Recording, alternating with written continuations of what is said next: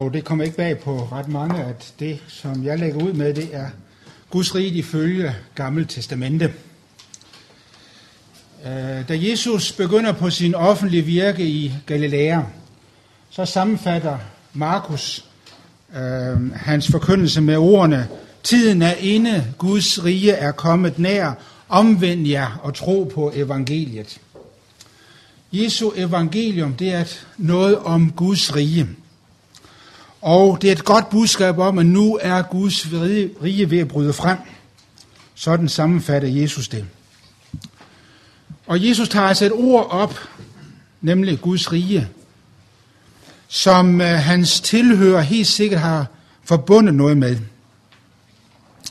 Og spørgsmålet er nu, hvor har det sin baggrund henne? Hvilke forudsætninger trækker Jesus på? Og der kan ikke være tvivl om, at øh, baggrunden er ikke i samtidens religiøse forestillingsverden, øh, i hvert fald ikke udelukkende, men det er først og fremmest Gamle Testamente. Altså, hvilke forudsætninger giver Gamle Testamente for Jesu undervisning og prædiken om Guds rige? Der er noget paradoxalt, når vi tager fat på det spørgsmål, og det er, at leder vi efter ordet Guds rige i Gamle Testamente, så finder vi det ikke. Selve udtrykket Guds rige forekommer ikke i Gamle Testamente. Øh, Gamle Testamente er skrevet på hebraisk, og en lille del af det på aramæisk. Og der hedder udtrykket Guds rige, det vil hedde Malkut Elohim. En sammensat forbindelse, hvor Malkut betyder rige, eller kongedømme. Det er et ord, der betyder øh, rigtig meget forskelligt, og det er konteksten, der bestemmer, hvad, hvilke nuancer, der har mest vægt. Det betyder først og fremmest den kongelige magt, den kongelige regering. Det bruges ofte i betydning en konges regeringstid i de 22. år af denne konges malkut, det vil sige hans regeringstid. Det bruges som hans kongedømme, det er, at han hersker. Og i hele taget alt, som markerer hans kongelige værdighed. Det er denne konges malkut. Og så under tiden også i betydning rige, det vil sige område, hvor denne konges myndighed gælder. Men pointen er så bare Guds rige som udtryk. Hvor hyppigt det er i Nye Testamente, så findes det ikke i Gamle Testamente. Selve vendingen forekommer ikke. Der er et anden vending, som forekommer én gang, og det er udtrykket Herrens rige. Malkut Adonai, hvor ordet Adonai betyder herre. En gang i, anden, i 1. krønike 28. Og i 2. krønike 13 møder vi et beslægtet ord, der hedder Herrens kongedømme. Mamlechet Adonai. Men øh, ved siden af det, så er der jo flere steder i Gamle Testamente, hvor der ikke tales om Guds rige eller Herrens rige, men, men siges dit rige eller hans rige. Hvor sammenhængen gør det klart, at der tænkes på Gud. Og det er først og fremmest salm 145, hvor vi inden for den lille sekvens på fire vers i vers 10-13, fire gange møder udtrykket dit rige. Dit malkut. Så salm 145 er en vigtig tekst for os. Hele tiden taget af salm 145, det er salmen om Guds herredømme. Og så er det selvfølgelig især Daniels bogen, som taler om et kommende Guds rige. Et kommende rige, som himlens Gud vil oprette i endetiden. Og der møder vi så ordet malku, som er beslægtet med det hebraiske malkut, og det betyder et og det samme. Kongedømme, regering, herredømme, rige. Og disse betydnings muligheder fletter sig ind i hinanden, og meget ofte det er svært at sige, er det det ene eller det andet, øh, eller hvad er det. Men hvis, hvis vi skal sammenfatte det med, hvilke ord og begreber der bruges, så møder vi begrebet Guds rige tre steder i Gamle Testamente. I Salmernes bog, helt hen mod slutningen, vi møder det i krønikebøgerne, og endelig i Daniels bogen. Og det er jo rimelig øh, smalt, må man sige. I modsætning til, hvad øh, Gamle jo ellers har at, øh, at sige. Og derfor siger jeg skille eksegete der også, at begrebet Guds rige i Gamle Testamente kun spiller en yderst perifær rolle. Men øh, det er nok for øh, hurtig en konklusion. For det begreb har et videre basis, end øh, vi får indtryk af bare ved at se på selve udtrykkene. For meget ofte beskrives Gud som konge i Gamle Testamente, som en melek. Gud tilbedes som konge. Han hersker som konge. Han troner. Han skildrer som siddende på himlens troner. Han troner i himlen, og han troner på jorden i Jerusalem ud fra sit tempel. Så derfor har selve begrebet Guds rige en lang dybere rødder i Gamle Testamente, end bare de relativt få steder, hvor vi møder vendingen. Begrebet Guds rige må forstås ud fra forestillingen om Herren som konge. Første gang, hvor det dukker op i Gamle Testamente, det er i 2. Mosebog 15, vers 18, hvor det hedder, Herren er konge i al evighed. Ordret, Herren hersker som konge i al evighed. Det er første gang, vi møder øh, verbet at være konge med Gud som subjektet, med Gud som grundledet. Og 2. Mosebog 15, det er jo israeliternes sejrsang efter overgangen gennem Sivhavet, hvor de øh, erfarer, hvordan Gud greb ind i nøden, og som en anden stærk kriger, der besejrede han Farao og frelste Israel fra Faraos magt. Og det vil sige, at Guds kongedømme manifesterede sig som Guds befrielse af nogle redselslagende slaver. Han befriede dem for trældom og for undergang. Og derfor er han kongen. Og derfor slutter sejrsangen med denne proklamering. Herren er konge i al evighed. Det er ikke Faro, der er konge, men det er Herren. Og han er det for evigt. Og hans kongedømme og hans magt er langt stærkere end andre guder, siger øh, denne øh, sejrsang i vers 11.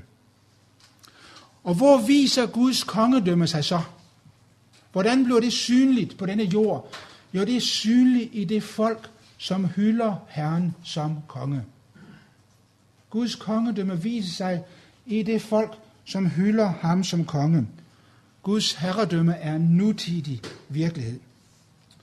Og derfor er det heller ikke tilfældigt, at 2. Mosebog lidt senere i kapitel 19, vers 6, siger om Israel, da de nåede frem til Sinai bjerg, der siger Gud til dem, I skal være et kongerige af præster og et helligt folk for mig.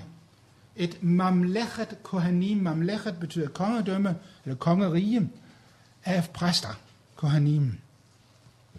Der er en lang diskussion om, hvad det skal, hvordan det udtryk skal forstås. Det lader vi ligge her. Jeg forstår det sådan, at Israels folk er kaldet til at være Guds herredømme i verden.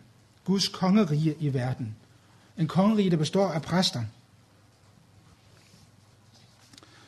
Og det vil sige, at Gud udøver sin kongelige herredømme via pakten, som netop blev givet, og via loven, hvorved pakten blev konkretiseret. Pakten og loven er Guds kongelige styringsform i Israel.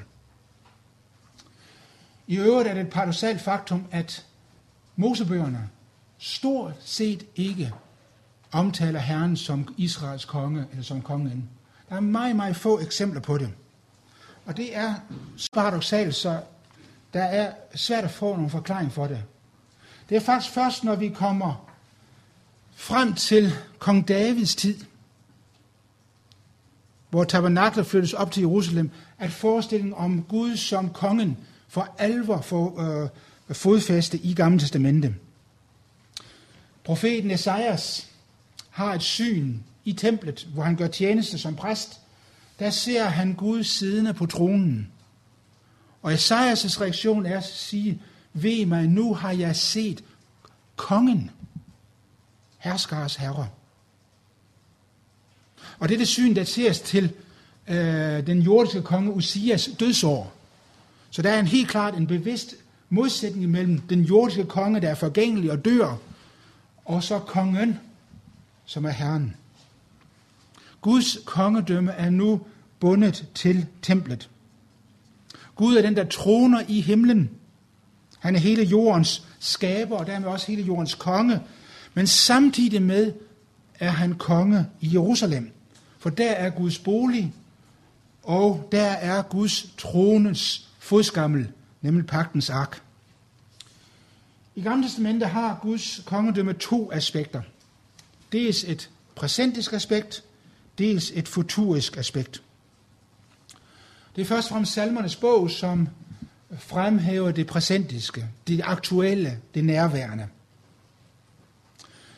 Gud er ærens konge, eller herlighedens konge.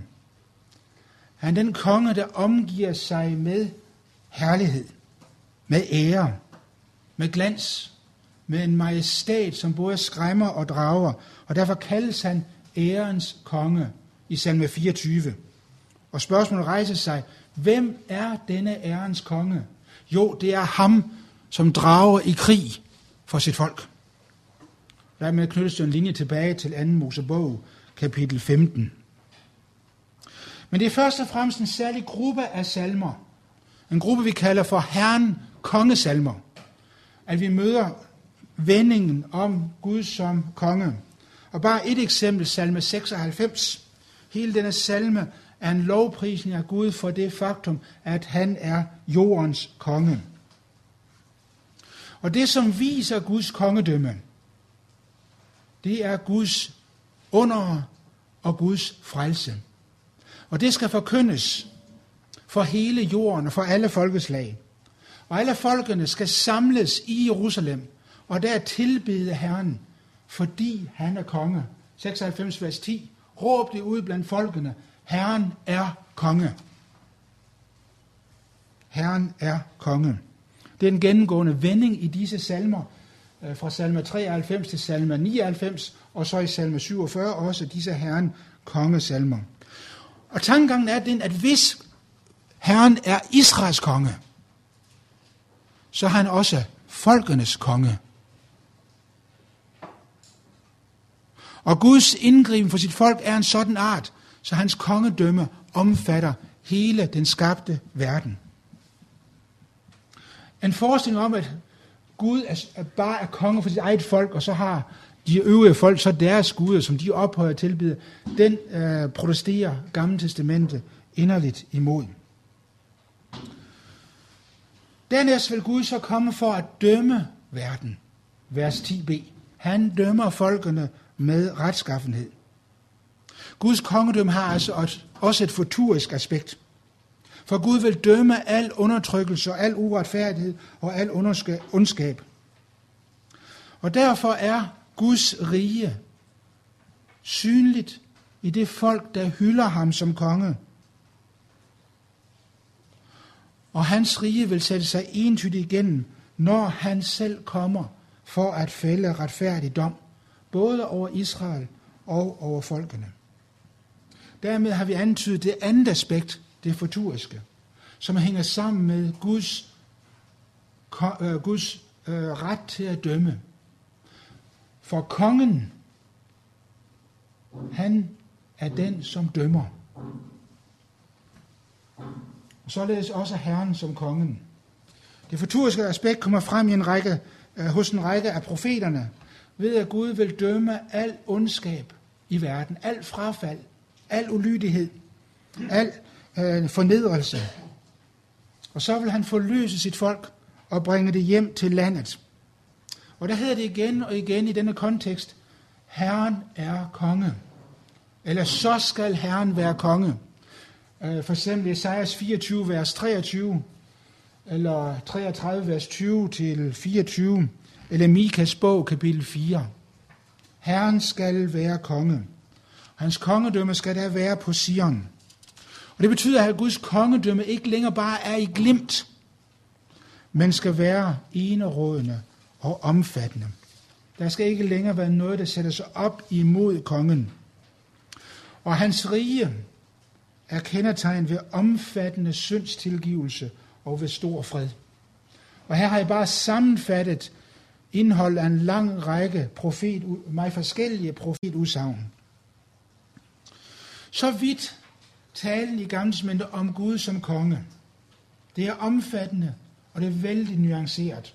Men vægten ligger først og fremmest på, på Guds herredømme, og ikke på området, eller øh, hvor dette herredømme øh, foregår. Det er det verbale aspekt, der øh, understreges.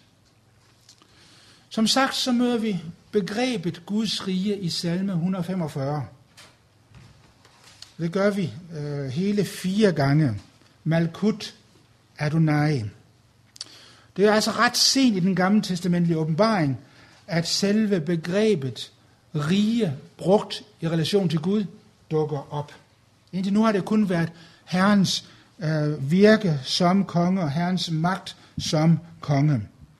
Salm 145 er en lovprisning af Gud, fordi han er konge. Vers 1. Jeg vil prise Herren, min konge. I vers 10-13, der har vi salmens midtpunkt. Her møder vi begrebet kongedømme eller rige fire gange. I den danske oversættelse er der kun tre forekomster, det der er markeret. Men i vers 13 hedder det faktisk, dit, dit rige eller dit kongedømme øh, er, er et rige med prægtig herlighed. Og det har den danske oversættelse altså trængt lidt sammen. Men der er hele fire gange. Guds kongedømme udmærker sig ved dets glans, dets majestat, og ved at det varer evigt. Det skal vare i al evighed, vers 13. Det kan ikke ødelægges, det kan ikke overvindes, det kan ikke modsiges. Og igen viser Guds herredømme sig og Guds kongedømme sig ud fra Guds gerninger. Sådan som salmen fremstiller dem. Hvad er disse gerninger? Hvad er disse handlinger? Jo, det siger salme 145, vers 8. Det er, at Gud er nådig og barmhjertig mod syndere.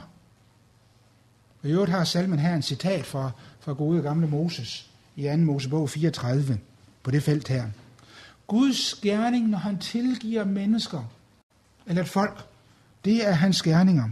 Der viser hans kongedømme sig. Samt, det samme gælder, når Gud griber ind og udfrier nødstede og nødlidende og elendige og fattige i vers 14. Når Gud bønhører dem, der råber til ham, så viser han sig som kongen. For de erfar Guds kongedømme. De ugudelige derimod, som ikke har brug for ham, de skal gå til grunde, vers 20. Guds kongedømme indebærer altså også dom. I salm 145 er Guds kongedømme først og fremmest noget præsentisk. Ikke noget fremtidigt, eller kun indirekte noget fremtidigt. Så har vi Guds rige i krønikebøgerne. I krønikebøgerne finder vi udtrykket Herrens rige, Malkut Adonai. Men i en ganske ejendommelig konstruktion. Det er i 1. krønikebog, kapitel 28, vers 5. Og sammenhængen den er den, at den gamle, aldrende David har kaldt Israel sammen, hele Israel sammen, og nu præsenterer sin søn Salomo som øh, den kommende konge.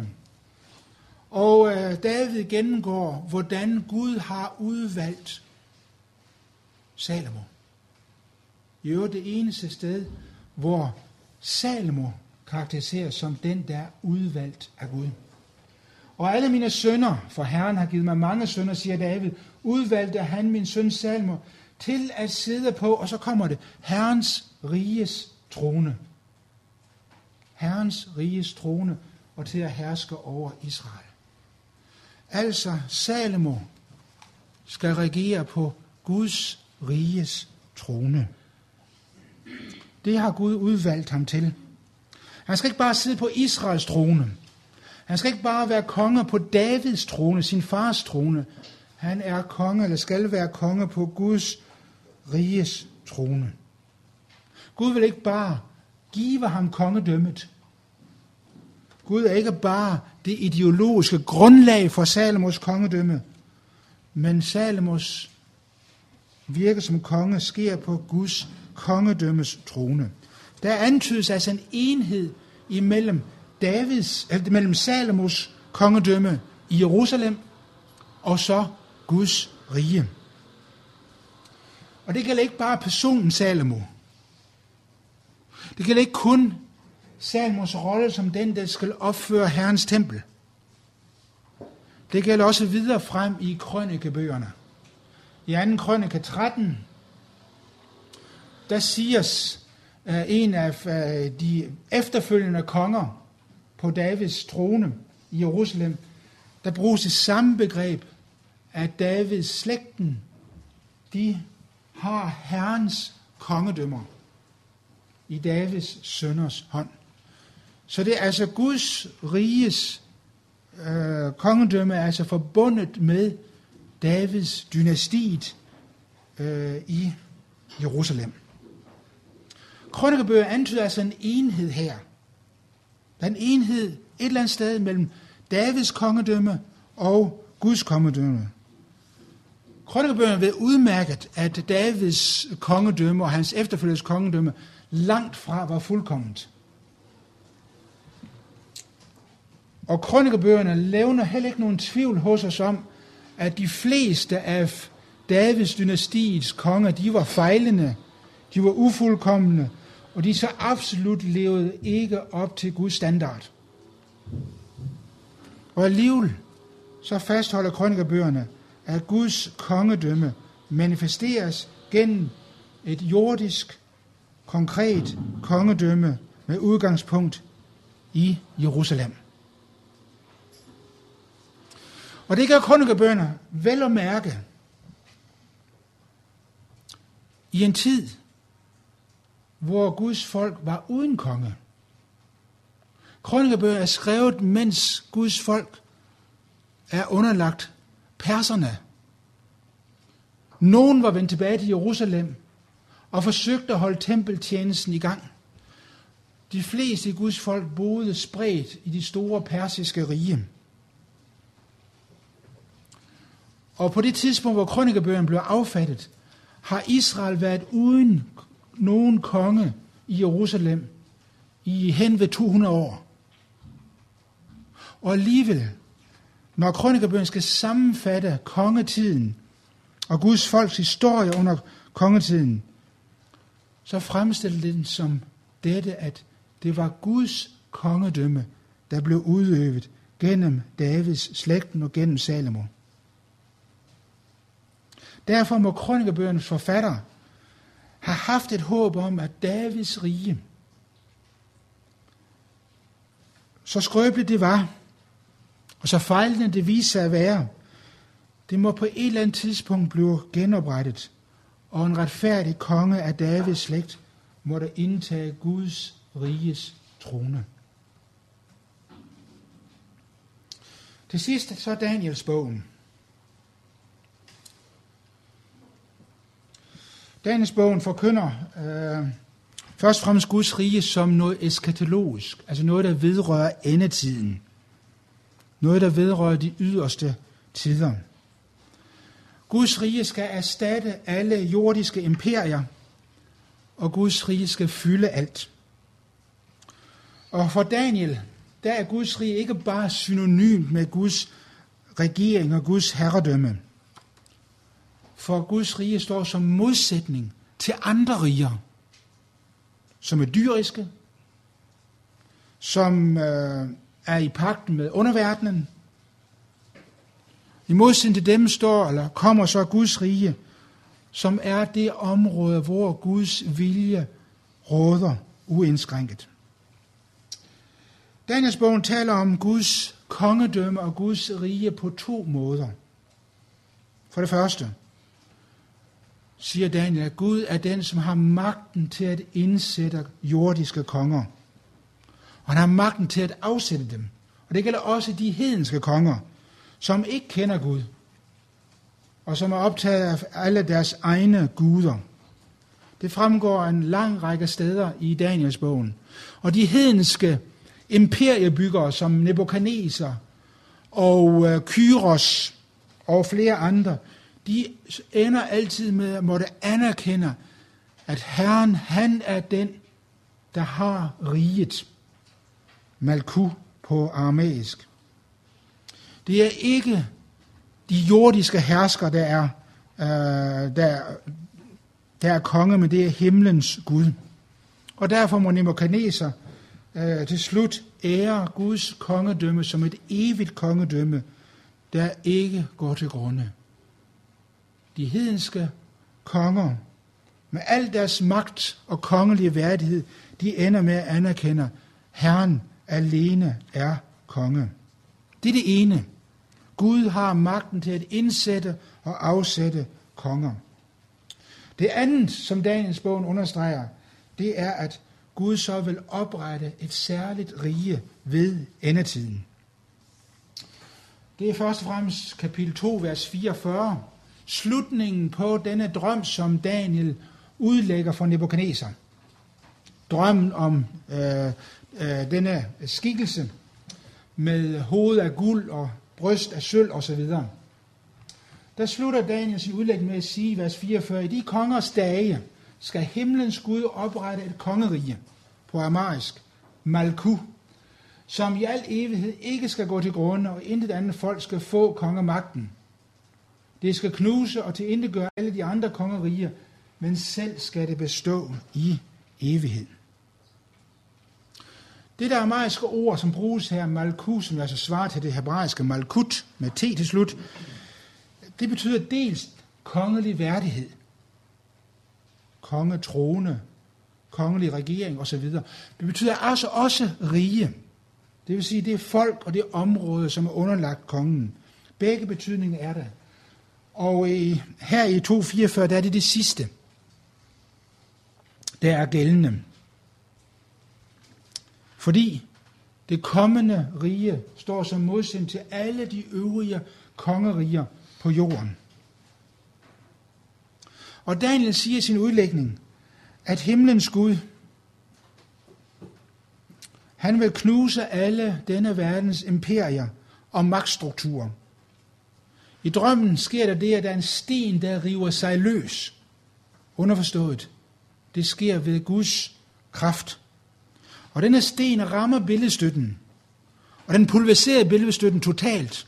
Alle dele af den. Og så vokser stenen sig over mod stor og bliver til et stort bjerg, som fylder alt. Det vil sige, at riget kommer fra Gud. Riget etableres af ham. Han opretter det. Men riget er på jorden. Og det der rige skal bestå i al evighed. Og når det hedder sig, at den bliver som et bjerg, så sigtes der givetvis til forestilling om det guddommelige bjerg, hvor kontakten er mellem himmel og jord. Det vil sige, at riget er det sted, hvor Gud er til stede. Det, som salme 145 har sagt om Guds kongedømme, det udfolder Daniel nu her i sin udlægning. Og ligesom salme 145 siger Daniel, at Guds rige skal bestå i al evighed. Ikke kun Guds kongedømme, Guds regering, Guds magt, men også det rige, som han vil oprette. Dette endetidsrige, dette eskatologiske rige, bliver yderligere udfoldet i Daniel 7. 7, vers 13-14. Og her er sammenhængen jo den, at Daniel har haft en vision, hvor han ser fire grufulde dyr stige op af havet. Disse fire dyr er øh, fire symboler på forskellige verdens imperier. Den ene er mere grusom og undertrykkende end den anden. Og derefter ser Daniel så øh, den gamle af dage, det vil sige Herren selv, der tager sæde på tronen og omgivet af sine hellige engle. Og så kommer det i vers 13. I nattesynen så jeg dette. Med himlens skyer kom en, der så ud som en menneskesøn. På aramæisk, bar enosh. Øh, det er sådan, at Daniels bog, kapitel 2 til 7, er skrevet på aramæisk, mens resten af Daniel er skrevet på hebraisk. Øh, ganske endomligt. Men øh, her er vi altså inde i den aramæiske del, så der hedder menneskesønnen Bar enos, Bar betyder søn, enos betyder menneske. Det skrøbelige øh, menneske, der er dødeligt.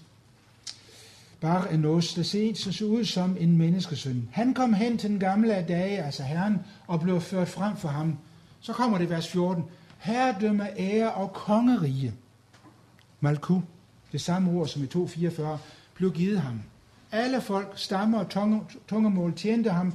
Hans herredømme er et evigt herredømme, som ikke skal forgå. Hans Malku, hans kongerige, skal ikke gå til grunde. Her kan vi jo igen finde adskillige ting, som allerede tidligere er sagt. Riget er evigt. Riget skal ikke gå til grunde. Daniel ser her en, der ser ud som et menneske. Og han skal få herredømme, ære og kongerige. Eller herredømme, magt og kongerige, hvis vi skal være lidt mere ordret. De fire dyr, de symboliserer undertrykkende imperier. Men menneskesyndens rige skal omfatte alle jordens folk. For alle skal tjene ham. Alle folk, stammer og tummål tjente ham. Det ord, der bruges her, det er et ord, der bruges ellers i Daniels bogen. Masser af gange om det at tjene Gud, hylde ham, anerkende ham og regne ham som den eneste sande Gud. Her i 7.14 er det om menneskesynden. De skal tjene ham, som man tjener Gud, siger Daniel.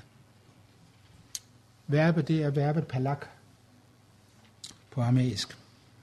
Forskningen er generelt enige om, at denne menneskesøn er en kollektiv skikkelse skal ikke tolkes individuelt, skal ikke tolkes som en individ, men som en kollektiv størrelse. Det vil sige, at menneskesønnen står for Guds hellige folk. Det er altså Guds folk, der får kongedømmet overdraget. Og det bygger man jo på den måde, som Daniels vision blev udlagt i resten af kapitel 7. Og øh, vi tager bare et vers, men der er tre-fire andre vers i kapitel 7, som taler det samme. Det mest tydelige er vers 27. Herredømmet, kongedømmet, herredømmet og magten i alle kongeriger under himlen blev givet til den højestes helliges folk. Sådan udlægges det. Det vil sige, Guds rige er identisk med Guds folks verdensherredømme. Det er den gængse tolkning inden for øh, fagvidenskaben. Jeg mener, at det er en for ensidig tolkning. Jeg mener, at teksten og dens kontekst lægger op til, at den har både en individuel side og en kollektiv side. Menneskesønnen, som nævnes i vers 13 og vers 14, er såvel en person, en individ, som han repræsenterer folket. For det første hedder det i 7 vers 9, at troner i pluralis, i flertal, blev sat frem. Ikke bare en trone til himlens Gud, men troner og englene, de sidder aldrig på troner. Der er tale om flere. For det andet så er menneskesønnen, han er af himmelsk oprindelse. Han kom på himlens skyer. Han kommer ikke på jorden, han kommer på himlens skyer. Det vil sige, at hans oprindelse er himlen. Og så er det sådan, at de fire dyr, som Daniel ser, har såvel en kollektiv som en individuel, individuel side. Disse fire dyr repræsenterer både imperierne og de konger, som leder imperierne. Og derfor må også talen om Guds rige øh, have et tilsvarende individuelt aspekt. Altså menneskesønnen synes at være en individuel skikkelse, som får al magt givet, og denne magt deler han med Guds hellige, som skal regere med ham. Lad os sammenfatte. Nu har vi i ganske få vendinger analyseret den gamle smelte baggrund for, at Jesu taler om, at Guds rige er ved at bryde frem. Der kan ikke være tvivl om, at Jesus i meget høj grad bygger på Daniels bogen og Daniels vision om det kommende eskatologiske Guds rige, hvor Guds rige betyder Guds dom over alle Guds fjendtlige magter. Men Guds rige udtrykker også Guds herredømme på jorden, hvor Gud griber ind på fattige, nødstede, arme, elendige, og hvor Gud frisætter mennesker for skyld. Endelig synes Guds kongedømme også at virkelig gøre Davids kongedømme som hurtigt forfaldt. Tak for opmærksomheden.